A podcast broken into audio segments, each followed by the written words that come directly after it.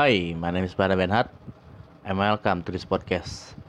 Pada saat kita tapping pada hari ini bahwa COVID-19 masih ada di Indonesia, maka kami dari tim Tubi Production membuat podcast baik podcast anak rantau udah podcast enak dengan menggunakan interaksi jarak jauh menggunakan salah satu aplikasi seperti pada saat ini kami akan telepon seseorang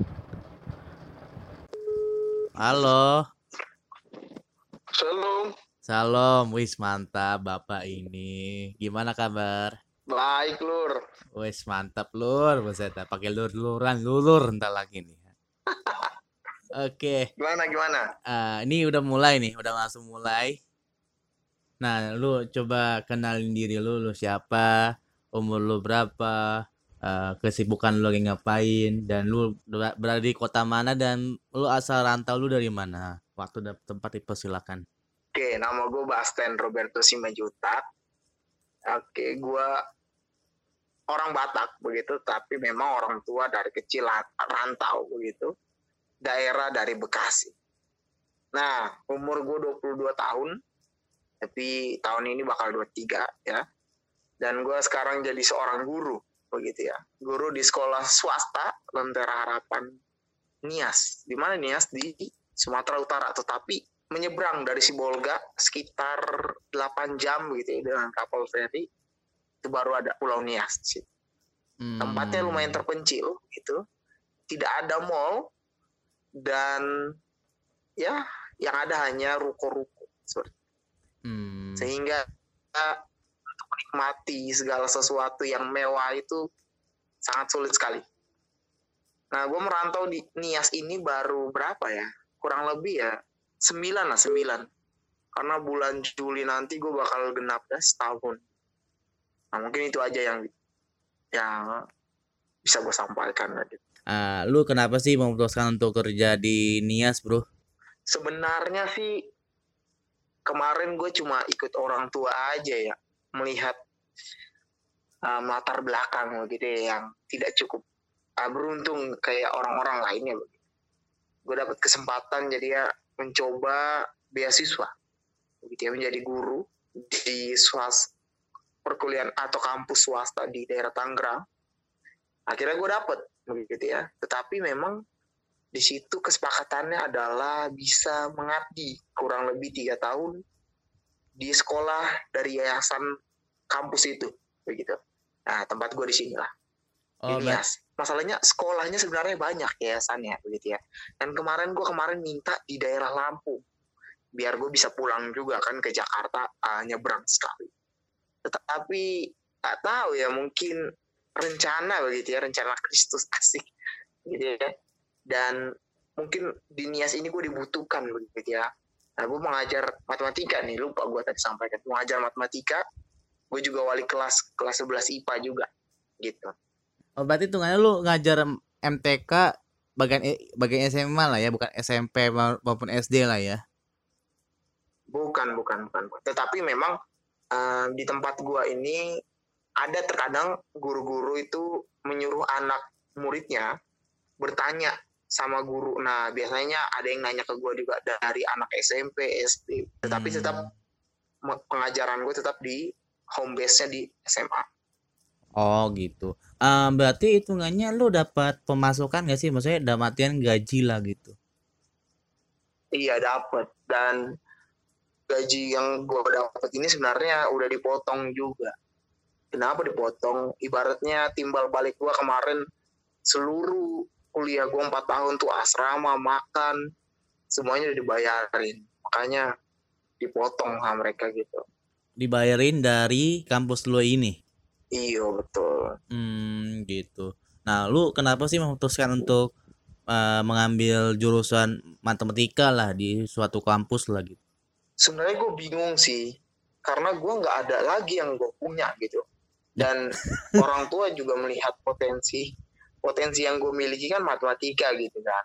Nah, makanya ya coba aja bang. Waktu itu mama gue coba matematika gue kan kita dikasih kesempatan itu beri, milih dua jurusan gitu ya tapi saat itu gue hanya milih satu matematika Hmm, gitu.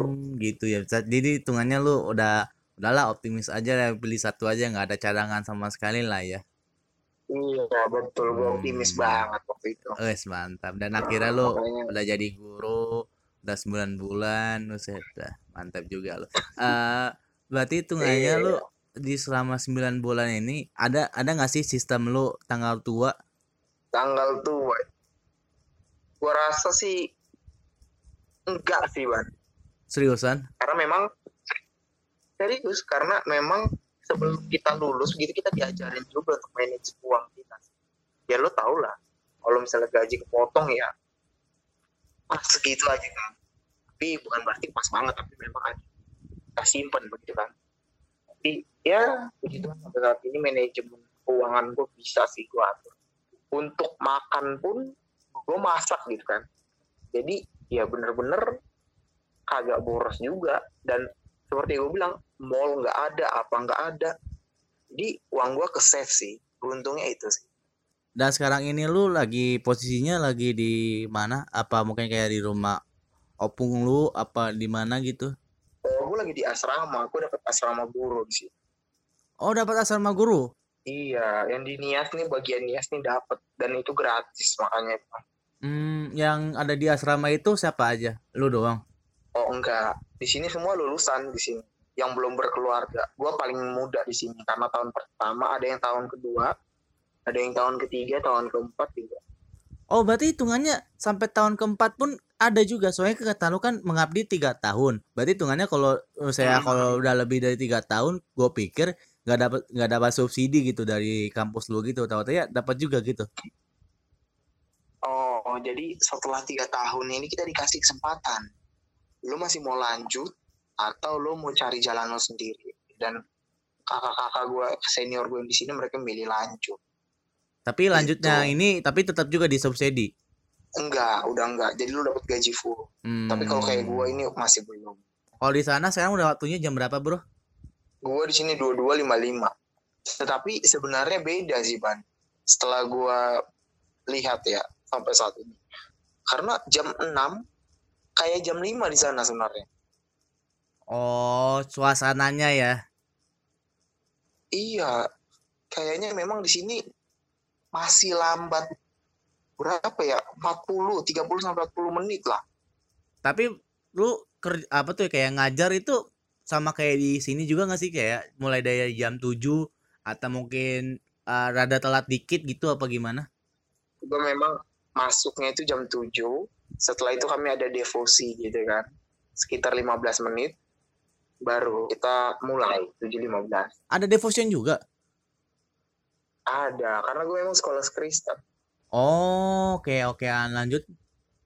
Nah kurang lebih kalau SMA itu satu jam pelajaran itu 45 menit.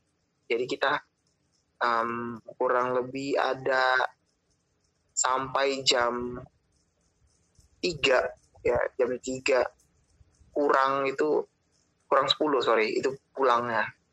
Hmm. tiga kurang 10 tapi Sabtu masuk juga? Oh enggak lah. Hari Sabtu kita libur jam 3 hitungannya untuk kalangan SMA cepet lah ya. Normal sih itu normal. Oh normal ya? Soalnya gua dulu SMA iya. malah gua dulu SMA jam 2 atau mungkin jam-jam segitu tetap juga Sabtu masuk. Oh iya. Iyalah. Makanya gue kaget lah. Biasanya kalau jam 3 tuh hari Sabtu pun nggak sekolah kayak gue kaget aja lah. Ini hitungannya apa ya? Cepat banget gitu loh ya dan hari Jumat gue ini jam sampai jam 12 aja kami dah kenapa karena jam 1 sampai jam 3 guru-guru rapat gitu berarti hitungannya kayak evaluasi mingguan lah ya Iya betul sekali evaluasi hmm. mingguan dan lu selama di Nias ini uh, gimana sih uh, menurut lo dari segi kulturnya, dari segi makanannya, dari segi aksesibilitasnya gimana? Nah, coba lu sharing lah. Kalau misalnya niat ini sebenarnya ya kalau misalnya lo tanya gitu ya sama orang tua lo ya banyak apalagi kita orang Batak ya sulit sekali untuk men mendapatkan cerita yang baik dari Pulau Nias gitu. Jujur aja, gua itu berangkat mau berangkat sebelum berangkat itu semua hampir semua saudara bilang bahwa nias itu bahaya sekali dan sampai sampai gue datang ada pelatihan dasar gitu tentang nias dan sebagainya memang benar. Bahaya sekali. Tetapi sampai saat ini puji Tuhan nggak ada sih yang membuat gue berbahaya gitu ya. Gue pulang jam 11 jam setengah 12 malam habis dari pemuda aman-aman aja sih. Tetapi memang kalau daerah-daerah yang pelosok gitu ya setelah gue menerima kabar begitu banyak sekali. Bahkan saat sampai gue di sini dari awal gue sampai sini kira-kira ya pembunuhan yang sudah terjadi begitu ya yang nggak deket sih sama gue tetapi ibaratnya satu wilayah gitu ya sekitar 3 sampai empat kali loh pembunuhan nah memang di sini harga diri seseorang itu tinggi sekali mereka hmm. lebih mementingkan harga diri mereka dibanding uh, rasa kemanusiaan mereka. Contohnya misalnya, kayak lu tuh um, meludah di depan rumah, itu bisa terjadi pukul-pukulan, baku pukul. Dulu bahkan ceritanya pernah sampai sampai bunuh-bunuhan. Dulu pernah cerita katanya. Nah, dan di sini tuh kalau ibadah ya dulu, tapi nggak tahu sih sekarang katanya sih masih ada di pelosok. Kalau mau ibadah hari Minggu harus ada satu orang yang jaga rumah karena kalau tidak bisa dimalingin itu yang gue dapat dapat dari um, rumah dari keluarga gue bahkan di sini juga ceritanya kayak gitu. Tapi sampai saat ini memang nggak ada. Tapi yang kelihatan adalah memang di sini banyak pendendam gitu. Yang gue bilang itu mungkin kayak natur mereka sih. Hmm. dendam dan harga diri mereka itu ya. Tapi segala sesuatu yang Nias miliki sebenarnya bagus banget terutama pariwisatanya. Gue paling suka itu kemarin kan baru-baru ini kan gue baru pergi pulang dari ini kan ya. Tempat salah satu tempat terbaik di Nias kan. Di ujung um, Pulau Nias. Namanya Pulau Asu. Gila bagus banget. Memang di situ ada um, surf campnya dan itu lumayan terkenal juga di uh, Indonesia gitu ya di bagian Nias. Dan itu langsung Samudra Hindia. Nah ada satu lagi itu di Pulau Telo tapi aku belum pernah ke situ sih itu nomor dua di dunia ombak nomor dua setelah Hawaii.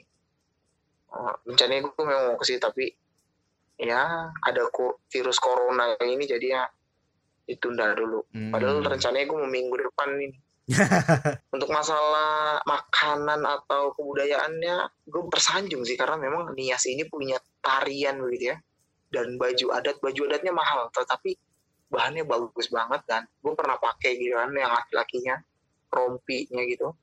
Terus um, tariannya juga gue pernah tariin. Jadi kalau di sini pesta itu kalau pesta-pesta uh, pernikahan terus di rumah jadi ada satu momen di mana tarian dari si pria uh, keluarga pria tarian dari keluarga wanita.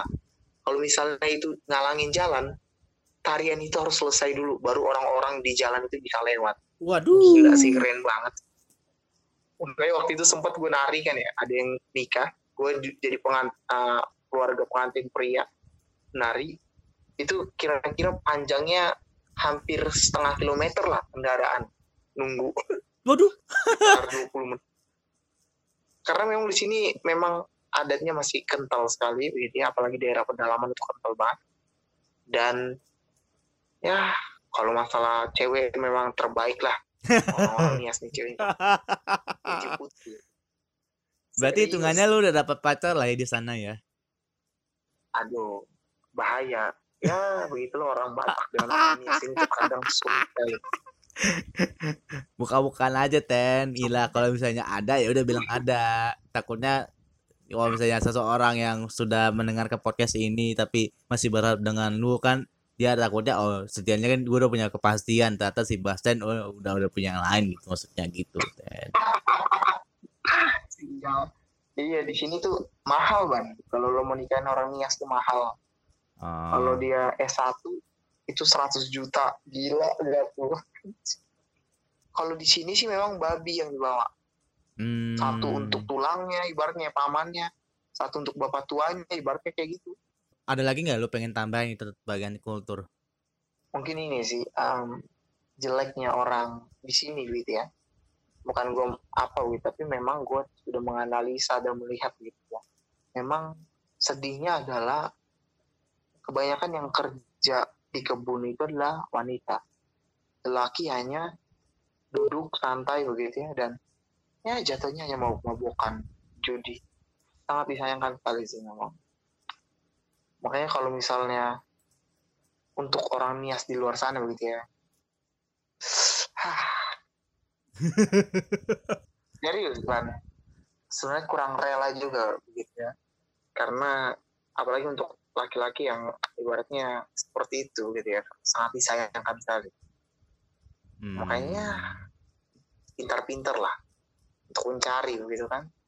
Hmm. sulit sekali memang Ya juga sih. Berarti hitungannya kalau untuk dari segi pertaniannya dari segi berarti hitungannya kayak uh, dari segi ya apa tadi bagian-bagian perkebunan atau pertanian itu di sana emang apa ya um, termasuk salah satu pekerjaan yang paling diminati atau salah satu pekerjaan yang paling banyak dikerjakan lah di Nias lah ya.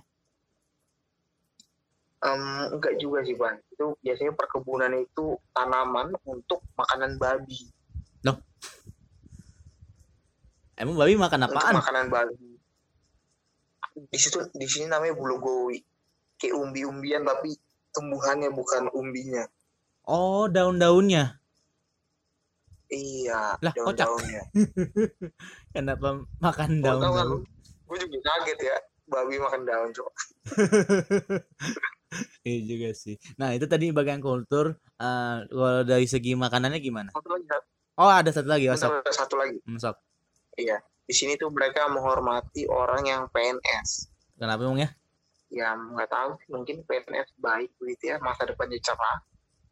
Ada pensiunannya, gue nggak ngerti sih. oh gitu ya. Padahal, ya, padahal gue rasa sih mereka seharusnya bisa lebih. Ya seperti pada umumnya lah. Lu tahu kan meme yang kayak PNS itu idaman semua mertua. Sial itu bener banget bener banget di sini. Nah, ini kita bahas okay. tuh tentang makanan. Nah, kalau makanan itu gimana menurut lu? Apakah selera banget di lidah lu? Apakah itu kan ya lu orang Batak juga kan? Nah, siapa tahu gitu lidah lu justru nggak enak gitu, atau mungkin kayak kurang bersahabat lah di lidah lu gitu. Oke, okay. di sini sih makanan yang paling seru, sering ditemui itu miso. Nah, oh. tetapi di sini ada yang bikin gue pertama kali bingung. Mie goreng misalnya mie goreng yang kita tahu apa? Indomie begitu kan? Mm-hmm. mie sedap misalnya ya kan? Mm-hmm. uh, instan gitu kan? Ternyata di sini mie goreng adalah mie lidi tahu nggak? Oh iya. mie kuah lah. Tetapi kuahnya itu kuah miso dah gimana gimana gimana? Makanya makanya gue bingung pertama datang gitu ya. Tapi gue coba mencoba untuk mencoba. Kan gue kalau kuliner kan gue cobain semua kan Kayak lu pemakan ya, semuanya deh. Sama aja. iya, gue mau makan semua. Nah, terus Dan rasanya emang enak. Oh, enak. Tapi uh, uh, tapi sampai saat ini ya mie sop, mie goreng itu terus babi uh, ya entah babi itu disaksang, diarsik, di apa gitu. Sampai saat ini gue belum menemukan makanan-makanan lainnya. Hmm. Oh, pernah ding, pernah, pernah, pernah, pernah. Jadi itu di sini anak-anak murid gue gitu ya. Pernah buat makanan um, khas Nias tetapi mereka kan namanya anak-anak ya nggak ahli begitu jadi rasanya ya biasa aja bukan kayak rasa asli asli gitu. Itu hmm. terus kalau misalnya orang Batak kan yang disediakan lapet begitu ya kalau misalnya ada acara gitu kan. Iya. Kalau kalau di sini tuh ini pete. Hah, pete Iya, sumpah cemilannya pete bukan lapet coba. Wah, lucu juga oh, ya. kagak makan gitu. Ya, gitulah makanannya. Gue belum nemu makanan tradisionalnya sih selain oh. mie sop itu sama mie goreng.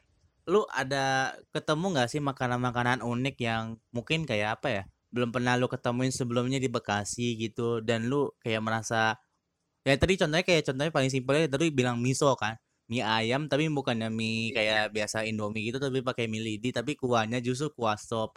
Nah itu kan menurut gua kayak kayak juga nonsense juga sih. Nah itu selain itu ada lagi nggak? Um, penamaan sih biasanya di sini ban. Kayak misalnya martabak telur. Apa yang lo terlintas kalau martabak telur? Ya martabak sama telur, telur bebek, telur ayam. ternyata bukan anjir Lah? ini martabak telur itu telur dikocok habis itu kayak em, kayak telur dadar tapi kecil-kecil sebulatan tangan lo ini nih kalau misalnya lo lo sambungin telunjuk lo sama em, jempol lo segitu segitu Maksudnya gimana? Telurnya telur puyuh apa telur gimana? telur biasa telur biasa Terus? Ah, kayak lo tau telur dadar, dadar kan ah. nah itu sama kayak telur dadar tapi bedanya dia bentuknya setangan lo kalau misalnya telunjuk lo sama em, jempol lo menyatu ya ujung-ujungnya segitu-segitu Oh diameternya ya. iya segitu-segitu Hmm, bahas keluar-keluar lagi nih bahasa Oke. matematika, matematika gua nih. Kampret. Terus di sini martabak Mesir tau nggak lo martabak Mesir Martabak dari Mesir. martabak Mesir yang kita martabak Mesir di sini tuh sebenarnya sama aja dengan martabak telur yang kita maksud pusing nih penamaan Jadi maksudnya perbedaan antara martabak telur dan martabak Mesir yang di Nias apaan sih? Cuma beda telurnya doang gitu? Ukuran diameternya gitu? Enggak, jadi martabak telur kalau di Nias ya, martabak telur itu adalah telur dadar, tapi bentuknya yang gue bilang tadi, telunjuk sama jempol lo. Oh, cuma telur dadar tok, gak pakai martabak gitu. Gak pakai ada roti-roti kayak Iya gitu doang. kagak. Gak ada. Kenapa namanya begini ya? Makanya gue, kok martabak telur kecil ya? Lumayan nih, nih martabak. Gitu kan. Nah, Ternyata, anjir ini telur dadar. Seriusan? kocek Astaga. Dan Terus ternyata martabak Mesir itu di sini, Heeh. martabak Mesir ini gue nggak tahu kan ternyata itu martabak telur yang di pikiran lu sama pikiran gua. Yang besar di loyangan itu. Sumpah. Penamaan. Lucu juga sih. Nah itu tadi maksud gua kan unik juga kan ternyata mindset orang-orang kayak ah kayak gak kebayang gitu loh sebelumnya. Ternyata cuma beda nama doang ternyata ya ilah.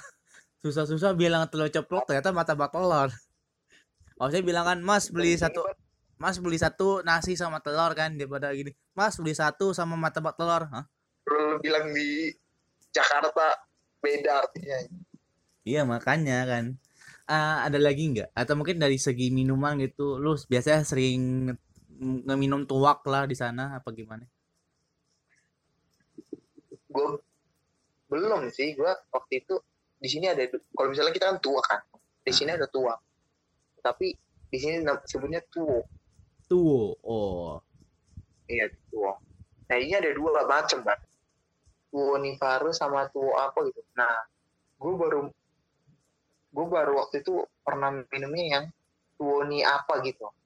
Karena tuo Nivaru ini keras banget katanya. Jadi sulingnya berkali-kali. Kerasnya ini gimana nih maksudnya? tadi. Kerasnya itu gimana? Apakah Kenapa? cepat cepat mab? Ini maksudnya kerasnya itu gimana nih?